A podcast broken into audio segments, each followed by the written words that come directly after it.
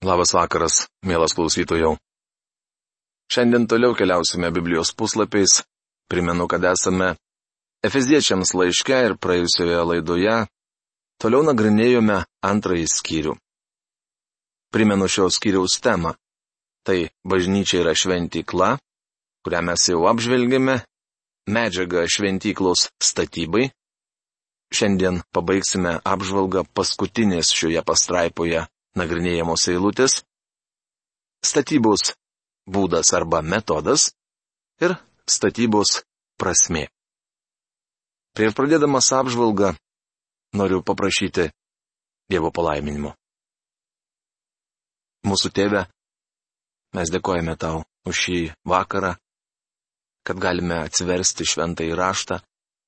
Prašome tavęs dangaus, Dieve, kad tu padarytum mūsų ausis girdinčias ir kad šiandien, dabar prabiltum į mūsų širdis per savo amžiną į žodį. Dėkojame tau, kad rašte užrašyta, jog tikėjimas iš klausimo. Klausimas, kai yra skelbiamas tavo žodis. Padėk man tinkamai perteikti ir kiekvienam žmogui, kuris girdi viešpatė šios žodžius, susimastyti, priimti ir tavo dvasios gale palaikyti juos savo širdyje, vadovautis jais savo gyvenime. Pameldžiu Jėzaus vardu. Amen. Taigi medžiaga šventyklos statybai. Aš jums perskaitysiu pirmasias šešias mūsų jau išnagrinėtas eilutes ir mes pratesime apžvalgą. Ir jūs buvote mirę savo nusikaltimais ir nuodėmėmis, kuriuose kadaise gyvenote laikydamiesi šio pasaulio papročių, paklusdami kunigaikščiui viešpataujančiam ore, dvasiai veikiančiai neklusnumo vaikuose. Tarp jų kadaise ir mes visi gyvenome, sekdami savo kūno geismais, vykdydami kūno ir minčių troškimus, ir iš prigimties buvome rūstybės vaikai kaip ir kiti. Bet Dievas apstus gailestingumo, iš didžios meilės, kurią mus pamilo, mus, mirusius nusikaltimais, prikėlė gyventi su Kristumi. Jūs juk esate išgelbėti malonę, prikėlė ir pasodino danguje Kristuje Jėzuje, kad ateinančiais amžiais beribi savo malonės lobį parodytų savo gerumu mums Kristuje Jėzuje. Efeziečiams laiško antros kiriaus pirma septinta eilutės. Ir šios dienos eilutės. Jūs juk esate išgelbėti malonę per tikėjimą ir ne iš savęs, bet tai yra Dievo dovana ir nedarbais, kad kas nors nesigirtų. 8-9 eilutės. Šiomis nuostabiomis eilutėmis baigėsi dalis apie tikinčiojo praeitį, dabartį ir ateitį. Mes buvome mirę savo nusikaltimais ir nuodėmėmis. Dievas išgelbėjo mūsų savo malonę, dabar kelia mus į dangų Kristuje Jėzuje ir vieną dieną danguje mes būsime Dievo malonės įrodymas. Niekas iš to, kas buvo išvardyta, nepriklauso nuo mūsų darbų ar nuopelnų. Jūs juk esate išgelbėti malonę. Originalo kalboje prie žodį malonė pavartotas artikelis, pažymintis, jog tai kažkas ypatinga. Čia akcentuojama Dievo malonė - palankumas, kurį Dievas rodo nevertiems ir nenusipelnusiems žmonėms. Tik nesakykite, tikiuosi būsiu išgelbėtas. Jei patikėjote Kristumi, galite teikti, aš esu išgelbėtas. Kas nors galbūt pasakys, aš nedrįščiau to tvirtinti, nes nežinau, kas bus ateityje.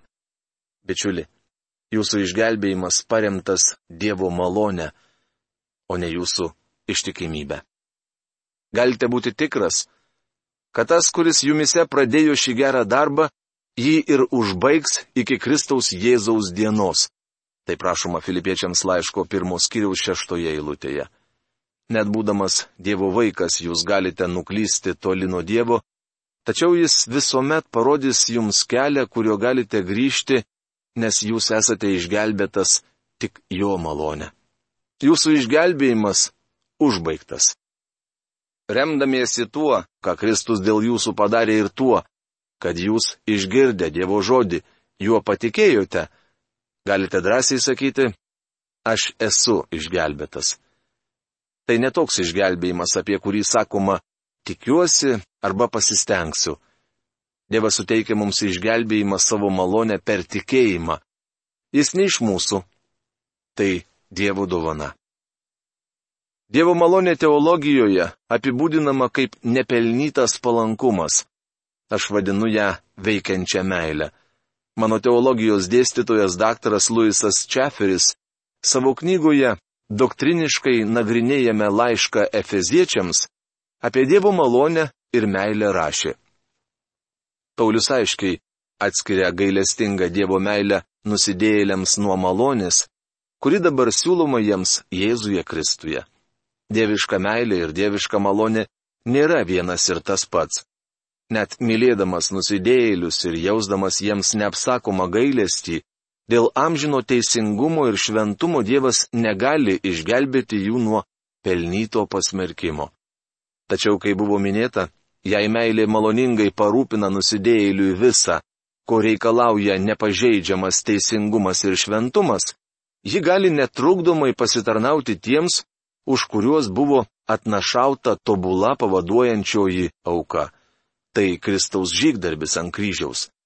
Kita vertus, gelbstinti Dievo malonė yra nevaržomas Dievo gailestingumas, rodomas nusidėjėliui kaip kelias į laisvę. Tos laisvės garantas yra teisinga bausmė už nuodėmę, pasiaukojanti Kristaus mirtis. Dieviška meilė gali trokšti išgelbėti, bet tai padaryti neturi teisės.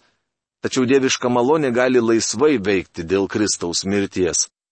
Taigi reikia pastebėti, kad amžinas Dievo tikslas nėra vien jo meilės rodimas. Nors čia ir kalbama apie jo meilę ir gailestingumą. Dievas nori parodyti savo malonę. Iš savo neišsenkančio lobino Dievas netaupydamas ir netrukdomas semia savo malonę ir apipila ją nusidėjėlius. Tikėjimas yra išgelbėjimo instrumentas. Tai vienintelis elementas, kuriuo nusidėjėlis prisideda prie nepaprasto išgelbėjimo darbo. Tačiau ir tikėjimas yra Dievo dovana. Žinau, kad kas nors man pasakys, jei tikėjimas yra Dievo dovana, o Dievas man jo nedavė, vadinasi, aš nesu kaltas, jei netikiu. Atsakysiu jums taip. Dievas labai aiškiai davė mums suprasti, kad tikėjimas iš klausimo, o klausimas, kai skelbiamas Dievo žodis. Jei norite įtikėti Kristų, turite klausytis Dievo žodžio. Dievas suteiks tikėjimo kiekvienam, kurio akis krypsta į Evangeliją. Apie tai kalbama antrame laiške korintiečiams. Mozė užsidengdavo savo veidą gobtuvu ne tam, kad neapakintų izraelitų skaiščia šviesa, bet tam, kad žmonės nepamatytų blėstančio šlovės. Tai buvo Mozės laikų ir įstatymo šlovė. Deja, jų protai atbuko, iki šios dienos jų akis dengia tas pats gobtuvas, kai skaito Senąjį testamentą ir jis lieka nenuimtas, nes jį nuimti te gali Kristus. Rašoma antrame laiške korintiečiams trečiame skyriuje keturioliktoje eilutėje. Šiandien nereikia nešioti gobtuvo, nes Kristus atidengtas. Evangelija skelbiama netrukdomai, tačiau mums sakoma, taip iki šios dienos, kada tik skaitomas mozė, gobtuvas tebedengia jų širdį. Bet vos tik žmogus atsigręžia į viešpatį, gobtuvas nukrinta. Antras laiškas korintiečiams trečias skyrius 15-16 eilutės. Kai žmogus atgrėžia savo širdį į viešpatį, gobtuvas nuimamas. Bet kurią akimirką galite atsigręžti į Kristų. Kitas paprieštaraus, o gal man neduota tikėjimo dovana. Jūsų bėda ta, kad nenorite atsisakyti nuodėmių, kurias smerkia Biblija kai jums pasidarys bloga nuo jūsų nuodėmių, kai panorėsite grėžtis nuo savęs, nuo religijos, nuo visko, ką siūlo pasaulis ir visko, ką smerkia Biblija, ir atsigręžti į Kristų. Tuomet jums bus duotas tikėjimas. Galite pasikliauti Dievu. Man įgriso žmonių kalbos, kad jie negali tikėti, nes jiems neleidžia intelektas.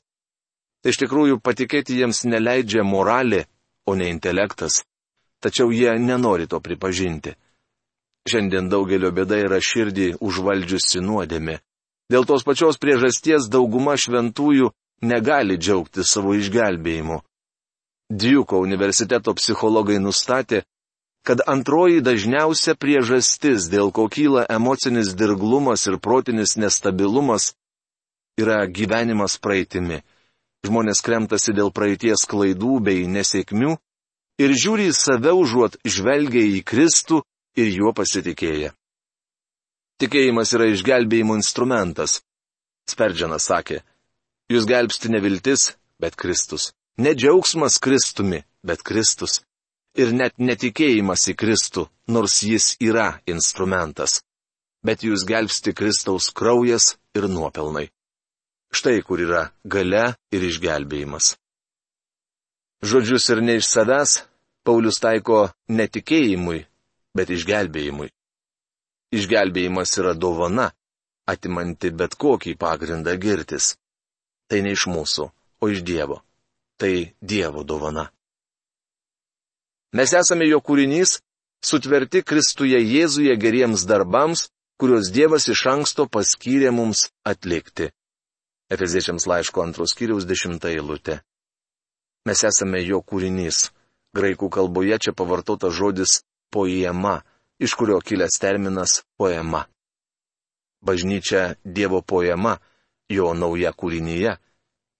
Šioje eilutėje Paulius kalba ne apie vietinę bažnyčią, bet apie tikinčiųjų kūną, kurį sudaro visi tikėjusieji nuo sėkminių iki tos dienos, kai bažnyčia bus paimta iš pasaulio, tai yra tikri tikintieji. Dauguma jų, žinoma, priklauso vietinėms bažnyčioms.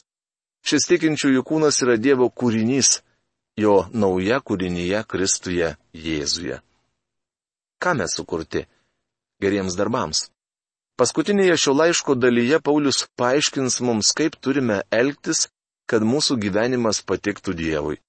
Būdami danguje Kristuje Jėzuje, turime stengtis, kad mūsų gyvenimas žemėje šlovintų jo vardą. Dabar pakalbėkime apie statybos būdą, kitaip metodą. Toliau kalbama apie bažnyčios kaip Dievo šventyklos statybą. Todėl atsiminkite, kad jūs kadaise buvote kūnų pagonys, kuriuos vadino neapipjaustytais vadinamieji apipjaustytieji kūno apipjaustimu atliktų rankomis. Tais laikais jūs buvote be Kristaus, svetimi Izraelio bendruomeniai tolimi pažadų sandoroms, be vilties ir be Dievo pasaulyje. Efeziečiams laiško antros kiriaus 11-12 eilutės. Efezo bažnyčia sudarė pagonių kilmės tikintieji. Tame mieste buvo tik nedidelė žydų kolonija. Pagonis buvo vadinami neapipjaustytais. Tokią etiketę jiems priklyjavo vadinamieji apipjaustytieji. Tai yra žydai.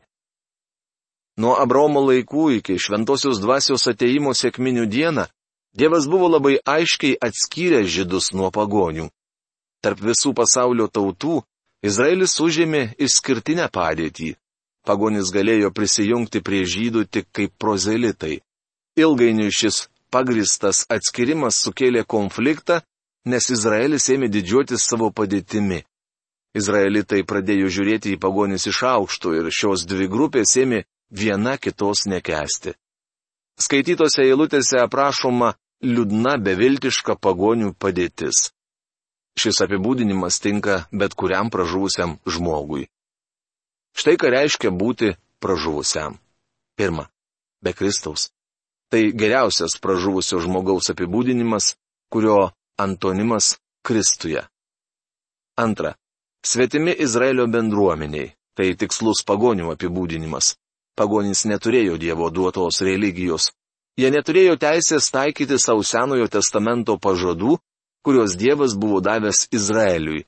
Ir mes negalime to daryti. Dievas nedavė šių pažadų mums. Trečia. Tolimi pažado sandaroms. Dievas davė Izraelio tautai tam tikrus pažadus. Sandoros, kurias Dievas su jais sudarė, tebe galioja, tačiau joks pagonis neturi teisės jų pasisavinti. Dievas yra pažadėjęs Izraelio vaikams visą Izraelio kraštą. Vieną dieną tas rytis atiteks jiems tačiau tik tuo met, kai to panorės Dievas. Kai lankiausi Izraelyje, nebandžiau reikšti nuosavybės teisų į kokį nors sklypą, remdamasis tuo, kad Dievas yra tai man pažadėjęs Senajame testamente. Aš suprantu, kad jis kalbėjo Izraeliui, ne man.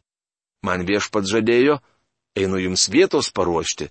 Kai nuėjęs paruošiu, vėl sugrįšiu ir jūs pas save pasimsiu, kad jūs būtumėte ten, kur ir aš. Rašoma Jono Evangelijos 14 skyriaus antroje, trečioje eilutėse. Ketvirta. Be vilties. Pažvelkite į pasaulio religijas. Jos neturi jokios vilties, negali pažadėti prisikelimo ir gana miglotai kalba apie tai, kas bus po mirties. Sektos ir kultai negali pasiūlyti jokios vilties. Jos pristato kliūčių, kurių žmogui peržengti paprasčiausiai neįmanoma. Pagonys buvo beviltiškoje padėtyje. Pražuvusiam žmogui svarbiausia dabartis. Nepasinaudoja šio pasaulio teikiamais malonumais jis jaučiasi dar labiau apgailėtinas. Komet Paulius rašė šiuos žodžius, vieni mano protėviai klaidžiojo gūdžiais Vokietijos miškais, kiti gyveno Škotijoje. Sakoma, kad pastarėjai buvo dar didesni pagonys ir stabmeldžiai už tuos, kurie klajojo po Vokietijos miškus. Penkta. Ir be dievų pasaulyje. Tai nereiškia, kad Dievas pasislėpė nuo žmogaus. Ne. Žmogus nutolo nuo Dievo. Jis bedievis, nes pats tai pasirinko visa žmonija klaidžioja tamsoje. Atvirai kalbant, pražuvusio žmogaus vietoje aš sėdėčiau bare ir gerčiau, bandydamas užsimiršti.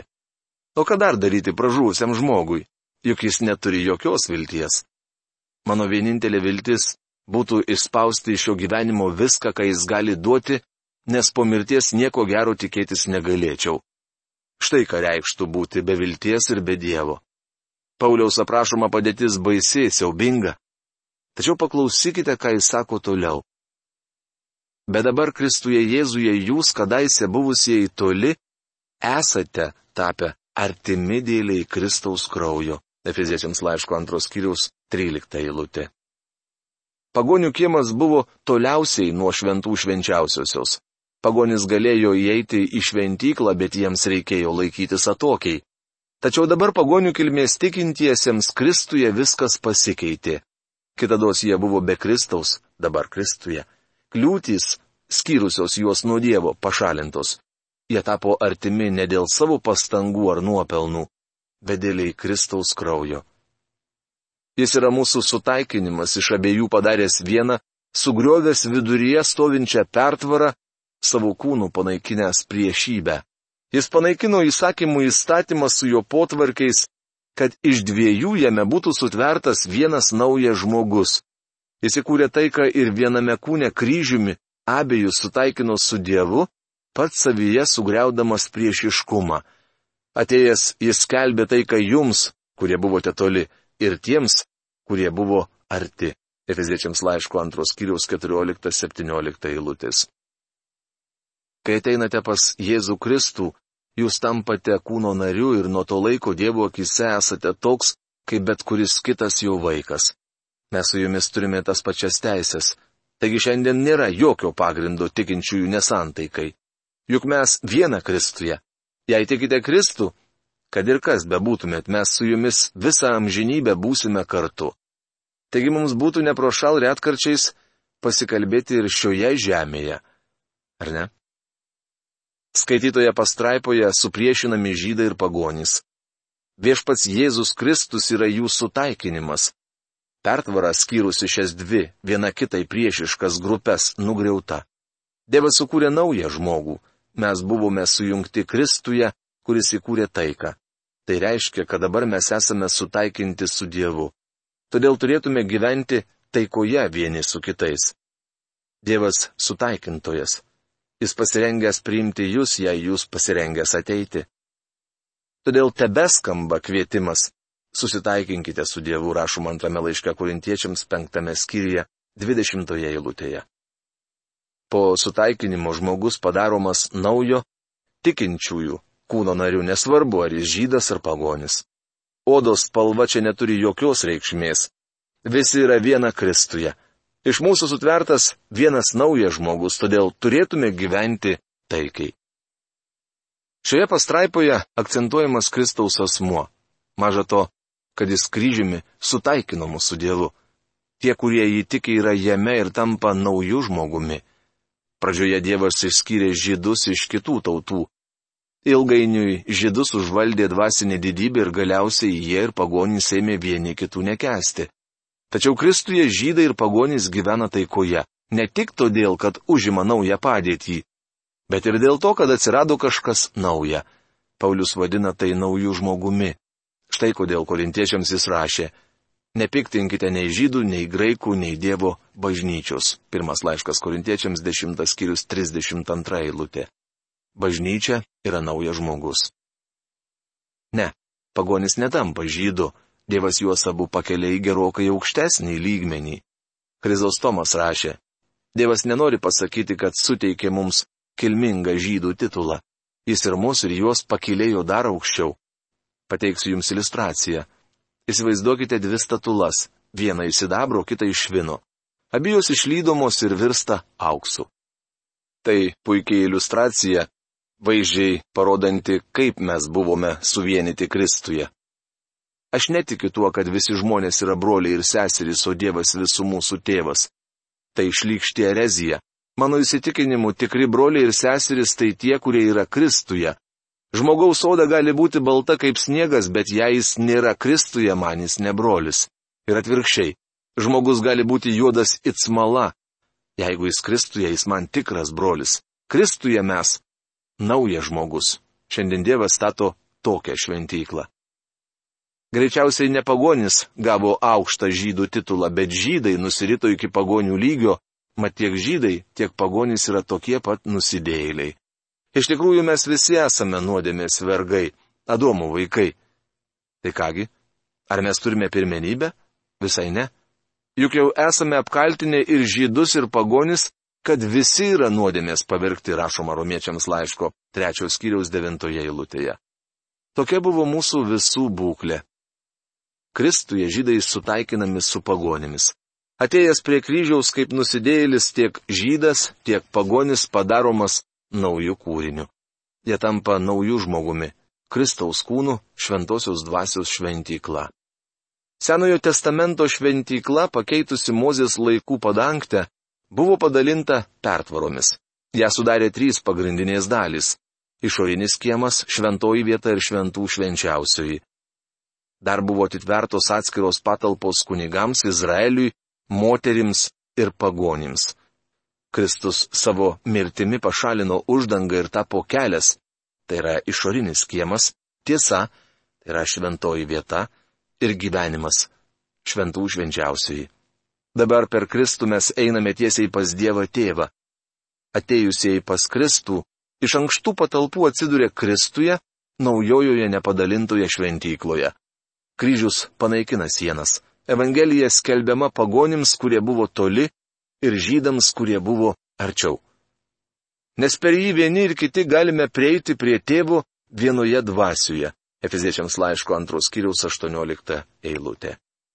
Ar atkreipėte dėmesį, kad ši trumpa eilutė labai didinga? Ji tarsi mažas atomas. Čia paminėta dieviškoji trejybė, nes per jį tai yra Kristų. Vieni ir kiti galime prieiti prie tėvo, tai yra Dievo tėvo, vienoje dvasioje, tai yra šventojoje dvasioje. Žydai ir pagonys kaip nusidėjėliai remiasi Kristaus kryžiumi. Be to, per Kristų tiek vieni, tiek kiti turi vienodą prieimą prie Dievo, o tai žmogui didelė privilegija. Laiško romiečiams penktame skyriuje Paulius aiškiai duoda suprasti, kad išteisinimas tikėjimu yra malonė, prieinama visiems. Mes galime ateiti pas Dievą per Jėzų Kristų ir tai nuostabu. Nemanau, kad galime begėdiškai brautis pas Dievą, tačiau mes turime nuostabę privilegiją ateiti pas Tėvą per viešpati Jėzų Kristų. Dievas vienodai prieinamas visiems tikintiesiems. Žmonės klausia manęs, kodėl, kovodamas su vėžiu, nepaprašiau, kad keli išrinktieji už mane pasimelstų.